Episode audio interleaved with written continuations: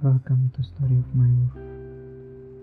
Tempat di mana semua kisah-kisah diukir Supaya bisa